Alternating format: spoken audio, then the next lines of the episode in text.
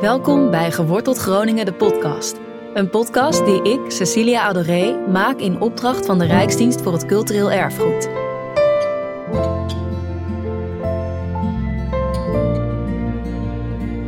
Ik volg in deze podcast een multidisciplinair team dat zich buigt over de verduurzamingsopgave van een aantal historische panden in het Gronings aardbevingsgebied. Het gebouw moet bewaard blijven, dat is één. Het moet gerestaureerd worden. Maar vervolgens wil je het ook een zinvolle invulling geven. Ja. Dat het wat toevoegt, onder andere voor het gebied. Maar ook eh, het gebouw voor de toekomst eh, ja, bewaart. De tijd dat de aarde onuitputbaar leek te zijn, is voorbij. Het is tijd voor een nieuw verhaal waarin de verhouding tussen mens en aarde centraal staat. Naar hoe we dat verhaal gaan schrijven, zijn we collectief op zoek. Ook voor de Rijksdienst voor het Cultureel Erfgoed is duurzaamheid een belangrijk thema, want ook zij willen dat ons cultureel erfgoed duurzaam meegenomen kan worden naar de toekomst. In het team dat samengesteld werd zitten architecten, erfgoedspecialisten en duurzaamheidsdeskundigen, maar ook de culturele sector is betrokken bij dit project om te onderzoeken of het toevoegen van partijen die normaal niet betrokken worden tot nieuwe inzichten en alternatieve verduurzamingsmogelijkheden voor monumenten leidt. Wat levert een kruisbestuiving tussen verschillende disciplines op?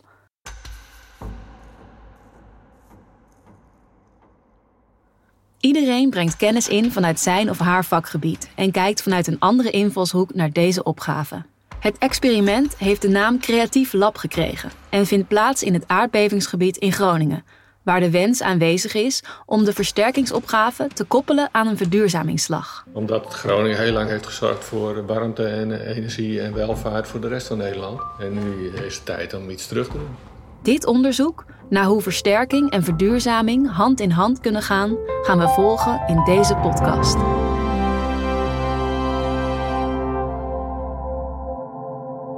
In aflevering 1 leerde ik meer over de twee locaties waar het team zich over buigt. De eerste is een oude monumentale school in Hoorn, die op dit moment in zeer slechte staat is, maar in 2023 haar deuren heropent als museum voor kunstcollectief De Ploeg. Daarnaast zijn er de drie voormalige rentenierswoningen in Loppersum, ook wel bekend als de Gouden Driehoek. De eigenaren hebben ons verteld waarom ze dit project met beide handen willen aangrijpen. Ook voor hen is het interessant om door dit experiment met het Creatief Lab, waarbij verschillende disciplines samengevoegd worden, wellicht nieuwe technieken en innovatieve verduurzamingsmethoden te leren kennen. We zijn met hen de geschiedenis ingedoken en verhalen over de panden en de omgeving kwamen naar boven. Allemaal dingen die het team probeert te verwerken in het maken van een passend verduurzamingsplan. In deze aflevering ga ik het met de duurzaamheidsexperts uit het team hebben over hoe je een monumentaal pand verduurzaamt op een manier die echt in harmonie is met de aarde. Onze restauratiearchitect Siebe van Seijen en duurzame monumentenadviseur Martijn Heiting komen eerst aan het woord, maar later in de aflevering spreek ik met architect Raoul Vleugels, die zich gespecialiseerd heeft in het bouwen met natuurlijke materialen. Allemaal leveren ze een bijdrage en samen werken ze toe naar één uiteindelijk plan. Maar laten we beginnen bij de basis. Hoe verduurzaam je een pand wat jaren geleden gebouwd is, dat niet meer voldoet aan de eisen van deze tijd en nu toekomstbestendig moet worden gemaakt? Uh, ik ben Martijn Heiting, adviseur duurzaam erfgoed bij Dijkhoraad. Ja, wij proberen monumenten toekomstbestendiger te maken. Ik ben te gast bij Martijn Heiting. Zijn functie omschrijft hij als adviseur duurzaam erfgoed. En ik ben naar zijn kantoor in Zwolle toegegaan, dat het schoolvoorbeeld is van een historisch pand dat inmiddels aan de huidige tijd is aangepast. Ik ben een leek in zijn vakgebied en ik begin met de vraag: wat is dat eigenlijk dan, het duurzaam maken van cultureel erfgoed? Nou, de monumenten zijn uh, per definitie al duurzaam, maar je wil het ook leefbaar houden. En je wil het ook dat, uh, dat het lekker warm is en dat het exportabel te maken is. Um, Wat bedoel je met dat het al duurzaam is? Nou, het staat al eeuwen, dus de materiaalimpact is heel laag, want die is verdeeld over 200, 300 jaar. En het maken van bouwmaterialen kost heel veel energie. Het maken van een baksteen, het maken van glas, van dakpannen kost ontzettend veel energie. En dat, staat hier al, dus dat hoeft niet meer. Wanneer ik denk aan duurzame gebouwen, denk ik aan hoogtechnologische nieuwbouwhuizen met zonnepanelen en perfect geïsoleerde wanden. Niet aan oude panden met tochtgaten, hoge plafonds en dunne ramen. Ik las laatst zelfs ergens dat iets compleet nieuws neerzetten beter is voor de aarde dan een oud pand te renoveren. En ik wil weten of dat waar is. Nee, het is wel goedkoper soms. Het Oh, is ook ja? makkelijker vaak. Ja? Het is, eh, want dan hoef je je niet helemaal eh, in allerlei creatieve bochten te wringen om zo'n Ja. gebouw te herbestemmen. Wat juist wel heel leuk is. Maar als je kijkt hoeveel eh, materiaal er dan eigenlijk weggegooid wordt. Stel je zou zoiets slopen Ja. en je zou daar helemaal wat nieuws neerzetten. En je zou kijken wat de, de impact is voor ehm, het, het, milieu en, en energiegebruik om al die bouwmaterialen te maken. In plaats van duurzaam renoveren, ja, dan heb je daar best wel een lang over terugverdiend tijd. Maar voordat je eigenlijk al die energieën eh, terugverdient, ja, dan ben je, ben je decennia verder.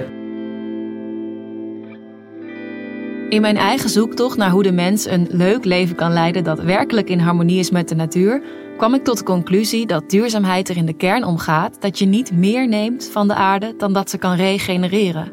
Veelal wordt in de bouw een drie-stappen-strategie gebruikt om tot een energiezuinig ontwerp te komen, bekend als de Trias Energetica. Dat zijn eigenlijk drie vuistregels. Er wordt zoveel mogelijk verspilling van energie tegengegaan, er wordt maximaal gebruik gemaakt van duurzame bronnen en mocht er toch gebruik gemaakt worden van fossiele brandstoffen, dan wordt het op een zo efficiënt mogelijke manier gedaan. Maar dit, een energiezuinig ontwerp maken, is alleen nog maar gericht op energiebesparing.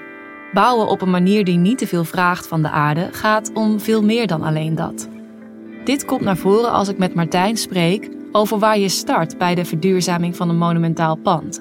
Nou, wij bekijken vanuit de ambitie van de eigenaar, van wat wil je, welke kant wil je op. Wij kijken naar het gebruik van het gebouw. Hoe kun je het gebouw gebruiken? Hoe kun je het gebouw inrichten? Welke delen moet je bijvoorbeeld gaan verwarmen? Welke delen kun je eh, de, de, buiten de verwarmde zone houden? We kijken iets vanuit de, de trias energetica. Dat is ook iets van beperkte energievraag. Eh, dus allereerst kijken welke delen je niet hoeft te verwarmen, die sluit je uit. En welke delen je wel moet verwarmen. En daar ga je kijken waar je kunt isoleren en hoe je dat kunt oplossen. Ja, ja, dus het gaat eigenlijk altijd om energieverbruik. Ja, nou, het gaat, wel, het gaat wel breder. Energieverbruik is een factor. Maar als we kijken naar ehm, isolatiematerialen, bijvoorbeeld een, een, een, een PIR of een PUR materiaal, dat, dat eh, wordt gemaakt uit fossiele grondstoffen. Dus dat is per definitie niet duurzaam. Ze, ze beperken wel de energievraag, maar ze beperken niet het fossiele gebruik. En als je kijkt wat is duurzaamheid, dat is eigenlijk iets waarmee we de aarde niet uitputten. Ja. Nou, als we dan met best wel chemische middelen isolatiematerialen gaan maken om die energie te besparen, ja, het staat een beetje haaks op elkaar. Je wil natuurlijkere materialen gebruiken. Of, Ja, dat is wel de of voorkeur. in ieder geval materialen die niet de aarde uitputten. Ja, Want als je natuurlijke materialen gebruikt, kan het natuurlijk ook zijn dat juist dat een soort roofbouw weer wordt van de aarde als je te veel. ja, nou en daar is een hele goede balans in zoeken. Het is, Ja. ehm, eh, ik heb daar ook niet meteen het antwoord voor van dat is de beste oplossing. Al is de trias energetica vaak nog wel het uitgangspunt in de bouw, het besef voor ecologie groeit gelukkig wel en daarmee ook het bewustzijn voor duurzame materiaalkeuzes en de manier waarop we omgaan met de bronnen van de aarde. Iemand die van het antwoord vinden op de vraag die ik net aan Martijn stelde zijn levenswerk heeft gemaakt, is Raoul Vleugels, die samen met Niels Groeneveld architectenduo Werkstad vormt. Ze zijn gespecialiseerd in het bouwen met 100% natuurlijke materialen. Iedereen in het Creatief Lab is in de eerste weken van het proces op zoek geweest naar zijn of haar rol in het geheel. En voor Raoul en Niels werd snel duidelijk dat zij iets toe te voegen hadden op het gebied van duurzame materiaalkeuzes. Ik stel je even aan Raoul voor. Raoul Vleugels van eh, Werkstad, architectenbureau uit Eindhoven. We zijn met z'n tweeën met Niels Groeneveld eh, samen. We bestaan nu een jaartje of zeven. En we zijn eigenlijk samen begonnen, Niels en ik, omdat we zoiets hadden van het moet, eh, moet gewoon anders in de bouw. We willen op een andere manier bouwen. Ik zit met Raoul in mijn leenauto op de parkeerplaats bij de voormalige Philipsfabriek in Eindhoven. Tegenwoordig zijn er ontwerpstudio's en werkplaatsen te vinden en ook Raoul's architectenbureau is er gevestigd. Door de bedrijvigheid is een stille ruimte vinden lastig, hoe groot het terrein ook is. Ik wil van Raoul weten waarom hij ooit begonnen is met het bouwen met natuurlijke materialen. We zijn eh, opgeleid zeg maar, op een hele hoogtechnologische manier eh, gebouwen te maken. Eh, en we kwamen er eigenlijk steeds meer achter dat, dat je daardoor ook plekken maakt die ja, voor mensen steeds minder prettig lijken te worden. Dat de ramen inderdaad niet meer open kunnen. En, dat, eh, ehm, en eh, Omdat er gebouwd wordt met materialen die eigenlijk niet fijn zijn. Nee, inderdaad. Dat, het heeft te maken met de materialen ehm, eh, waar we mee werken. waar we mee bouwen. En ja, de energieeisen worden steeds strenger in Nederland. Dus je moet steeds meer en meer eh, gaan isoleren. En daardoor sluit je eigenlijk een woning ook steeds meer af van de buitenwereld. En je kunt je een beetje voorstellen als sporten in een plastic regenjas, of in een goedkope regenjas. Dat is gewoon niet comfortabel. Ja. Dus wat je dan moet doen is eh, eigenlijk in je woning eh, installaties aanbrengen om op die manier gewoon een fijn binnenklimaat te houden. Ja, en, dan ben je dus heel erg afhankelijk eigenlijk van die installatietechniek in je, in je huis of in je kantoor of wat dan ook. En wij zeggen eigenlijk van ja, de- deels is dat natuurlijk altijd nodig dat je zo'n installatie hebt, maar je begint eigenlijk met een soort verkeerd uitgangspunt. Want als je de materialen van een gebouw aanpakt, als je daar begint, dan kunnen de materialen van een gebouw heel veel betekenen in, eh, in het maken van een prettige ja, leefomgeving voor de mensen.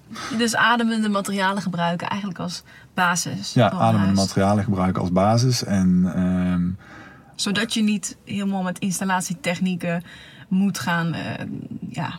ja, dat is eigenlijk een hele low-tech manier zeg maar, om- een high-tech probleem op te lossen, eh, als het ware. Want we, we moeten energie besparen. Dat moeten we ook gewoon doen, zeg maar. Dat, dat, dat, dat stel ik ook niet ter discussie. Maar ehm, we hebben daarmee zelf een probleem gecreëerd door dat met bepaalde materialen te doen. Met ademende materialen werken om zo een betere startpositie te hebben voor isolatie klinkt logisch. De mogelijkheden om te isoleren met ademende materialen zijn heel divers. Van houtwol tot gerecycled papier, kalkhennep, schapenwol. Welke kant je op gaat verschilt heel erg per project. Daarom wil ik weten wat hij voor zich ziet bij bijvoorbeeld de monumentale school in den Hoorn. Aan welke materialen zit jij dan te denken als je het over isolatiematerialen hebt? Ja, en wij, het is natuurlijk een rijksmonument. En ik heb zelf een achtergrond als restauratiearchitect. Daar ben ik ook in aanraking gekomen met die materialen. En als je het hebt over een, een, eigenlijk een organisch gebouw, want dat is het. Het is gemaakt van grondstoffen die allemaal uit de natuur komen. Zelfs baksteen is natuurlijk uiteindelijk klei. Dan is het bouwfysisch heel slim om daar ook natuurlijke materialen aan toe te voegen. Ja, want die, die, die, die gaan gewoon een hele goede interactie met elkaar aan eigenlijk op, op technisch gebied. Raoul legt me uit waarom juist monumentale panden, die dus vooral gebouwd zijn van hout, klei en leem, niet tegen water kunnen. En waarom goed isoleren belangrijk is. En hoe je dit kunt doen op een manier die past bij de stijl waarin het gebouw gebouwd is. In Wehe den Hoorn is ook de vraag van gaan we een plastic zak aan de binnenzijde creëren die je klimatiseren met eh, installatietechniek? Of ga je het op een andere manier oplossen dat je eigenlijk het isolatiemateriaal wat je aanbrengt dat dat ook een organisch karakter heeft. Dus bijvoorbeeld in dit geval kalkhennep hebben we daarvoor gesteld. En het mooie van kalkhennep is, is dat het eigenlijk eh, het vocht uit de muur kan trekken. Dus als er ergens condens ontstaat, dan kan het, die kalkhennep kan het als het ware opzuigen als een soort spons vasthouden. En dan kan er over een hele lange periode, kan er met veel minder installatietechniek, kan dat vocht eh, langzaam afgevoerd worden. Dus je gaat dan weer eigenlijk de bufferende capaciteit van het gebouw gebruiken om het te klimatiseren. En waarom is dat een WH nou zo interessant? Ze willen er een museum van maken. En een museum heeft een hele constante luchtvochtigheid nodig voor de kunstwerken. Dat die, niet, die willen niet een variërende luchtvochtigheden hebben. En dan zijn juist die biobased materialen heel erg goed in staat om de luchtvochtigheid binnen heel constant te houden. Omdat ze, heel, omdat ze over een hele lange periode zeg maar, vocht kunnen op blijven nemen en kunnen blijven bufferen. Het voelt als een topje van de ijsberg. Er is nog zoveel te zeggen over het bouwen op een manier die echt in harmonie is met de aarde. En dit is maar één van de dingen die Raoul met mij deelde. In het Creatief Lab krijg ik van ieder teamlid weer een andere benadering te horen. Even terug naar het Creatief Lab en hun opgave: het verduurzamen van de historische panden in het aardbevingsgebied in Groningen. In ons team zit iemand die heel veel verstand heeft van verduurzaming en restauratie, Siebe van Seijen. Mijn naam is Siebe van Seijen. Ik ben geboren en getogen Fries, maar ik heb de architectopleiding gedaan in Delft met specialisatie restauratie toen dat daar nog was. Ik ontmoet Siebe in zijn kantoor in een architectenbureau in Dokkum. Een stadje met een zichtbaar rijke historie in het noorden van Friesland.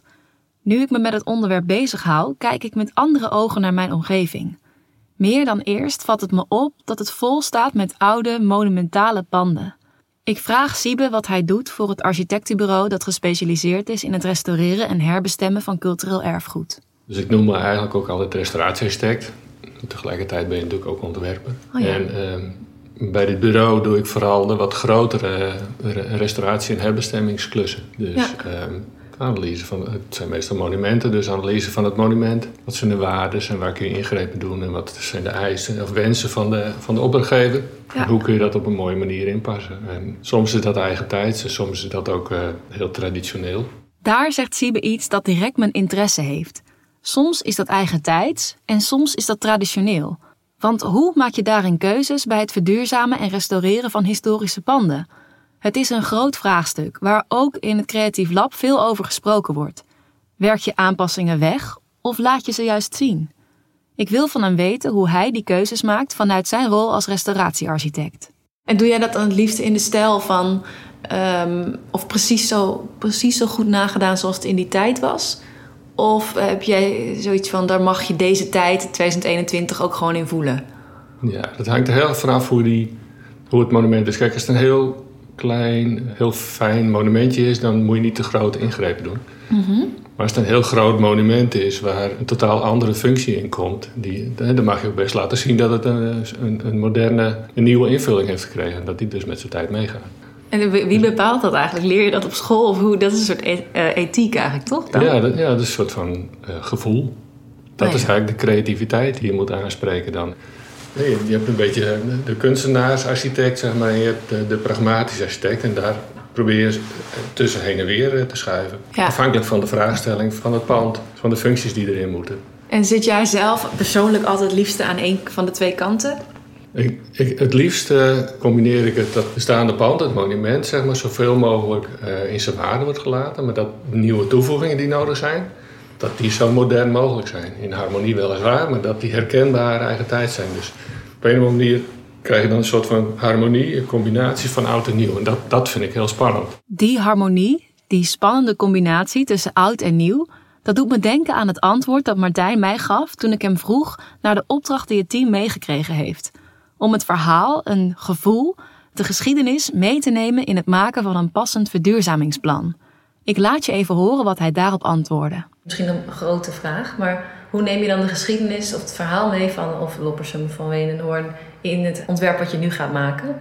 Nou, wat ik, wel, wat ik wel mooi vind is dat het sommige dingen zichtbare laag zijn in de geschiedenis. Kijk, over, over 30, 40, 50 jaar kijken ze terug naar deze periode en zeggen ze: Oh ja, dat was die verduurzamingsslag. En toen was heel, iedereen heel druk bezig om die panden aardgasvrij te maken. Als we eigenlijk die laag wegtimmeren achter latjes en zo min mogelijk laten opvallen, dat kan een keuze zijn. Maar soms kan het ook een keuze zijn om, om die laag echt als zichtbare laag erin aan te brengen. Compleet reversibel. Uh, dus als je hem weer weg zou halen, dan blijven de monumentale waarden compleet onaangetast. En kan ook best wel een hele creatieve oplossing zijn. Ja, dan is het dus natuurlijk juist ook toepasbaar in Groningen dan. Die versterking, dat er misschien Ja. de versterkingsconstructies nu te zien zijn en straks niet. Ja, want uh, nou, binnen, binnen het team daar zitten ook echt ontwerpers die zich daarmee bezighouden om echt die laag zichtbaar te maken. Om die constructies als, als element uh, terug te laten komen, ja, dat vind ik best wel Ja. een mooie oplossing. Dus dan heb je en het verhaal van, van vroeger. Je zit in monumentale waarden nog eh, Ja. aan de muren of het plafond of ik weet niet, of de buitenkant. En je ziet de huidige laag. Kijk, als een constructeur puur gaat kijken naar de versterking van zo'n pand en daar, Mhm. daar komt dan een oplossing uit die een functie heeft het pand te versterken. Maar that's it, daar zit niet een esthetische kant aan. Nee, nee. En als je zo be- besluit om een, een, een tijdlaag toe te voegen, vanuit een soort kunstenaarsoog ook. Want dat Ja. is ook wat, ik, wat zo klinkt, alsof jij dat ook zo, zo ziet. Nou ja, ik zie het wel zo. Ik ben zelf geen, en, en niet op dat vlak zo'n ontwerper, maar ik vind het wel een hele mooie oplossing. Om, om die laag op zo'n manier zichtbaar te maken. Ja, het doet me heel erg denken aan eh, kintsugi. Ken je dat? Nee. Dat is de Japanse manier van eh servies of aardewerk eh, lijmen met Ja. goudverf. Eh, waardoor als het zeg maar dus kapot is gevallen, Ja. worden al die stukjes aan elkaar gemaakt met goudverf. Dus dan krijg je die hele gouden patronen eigenlijk op dat servies. Eigenlijk waar het oude samenkomt met het nieuwe, of eigenlijk die nieuwe tijdlaag, die maakt het juist zo mooi. Die maakt het zo Vertwijfeld hield de keizer het gerepareerde kopje in zijn handen. Voelde aan het koude, zuivere porselein dat de tijd niet had doorstaan en nu armzalig met metalen nietjes in elkaar gezet was. Het was al generaties in zijn familie, maar oogde nu kwetsbaar, zich schamend voor zijn gebreken. Het gevecht met de tijd verloren. Je moet loslaten wat ballast is, maar dat wat de waarheid en wortels van het verleden draagt, moet je koesteren. Hij riep zijn landgenoten op om de perfecte reparatie te bedenken en zo het porselein eervol de toekomst in te sturen. De filosofie achter de techniek is het erkennen van de geschiedenis van het object. En de reparatie, de breuklijn, juist te tonen in plaats van het te verbergen. De schoonheid openbaart zich waar het oude samenkomt met het nieuwe. De stukken porselein werden met goud aan elkaar gelijmd om zo als goudadere riviertjes te pronken met zijn historie en welverdiende sporen. Het verhaal wil dat de keizer de reparatie zo mooi vond dat hij uiteindelijk het volledige servies in duizend stukken heeft gegooid.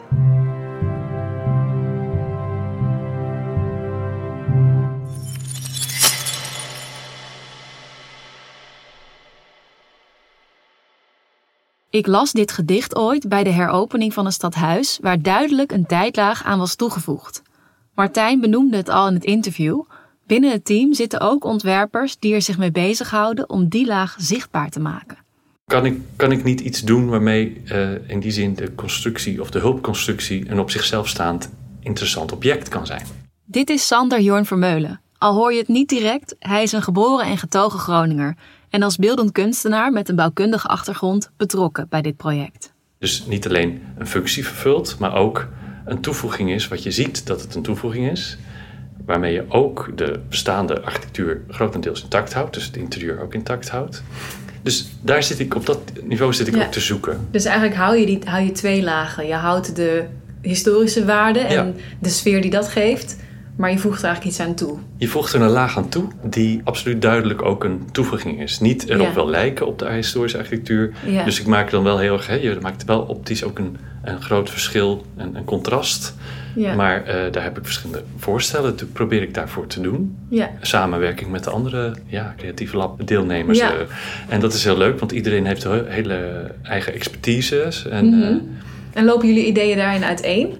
Uh, nou, ehm, soms heb je dat dan wel, maar we zijn nu uh, wel op zo'n punt dat we nu ook ontdekken wat ieders rol kan zijn en wat ieders bijdrage kan zijn. En op een gegeven moment beginnen nu dingen als een soort niet meer tegen elkaar in, maar juist in elkaar te haken en ook de parallellen, in, de invalshoeken op verschillende niveaus eigenlijk samen te komen. Mm En dat maakt het heel boeiend. Het is heel leuk om te merken dat binnen het team veel mensen dezelfde visie delen. Tijdlagen mogen zichtbaar worden en iedereen wil daar op zijn eigen manier uiting aan geven. Naarmate het proces vordert, klikken dingen in elkaar en vinden teamleden hun rol binnen het geheel. In de volgende aflevering spreek ik met Nikki en Barbara over hun aandeel en gaan we het hebben over systemisch werken, de community betrekken en het bouwen aan een toekomst voor monumenten zien als holistisch project. Want alleen als dat wat je niet ziet, dus ook de geschiedenis en de verhalen meegenomen worden in het maken van een nieuw ontwerp, kan je tot een succesvol eindresultaat komen. Althans, dat is dan weer hun inbreng. Ook neem ik jullie mee in hoe het eindproduct is geworden en hoe daarop gereageerd wordt door de eigenaren. Bedankt voor het luisteren en tot de volgende aflevering.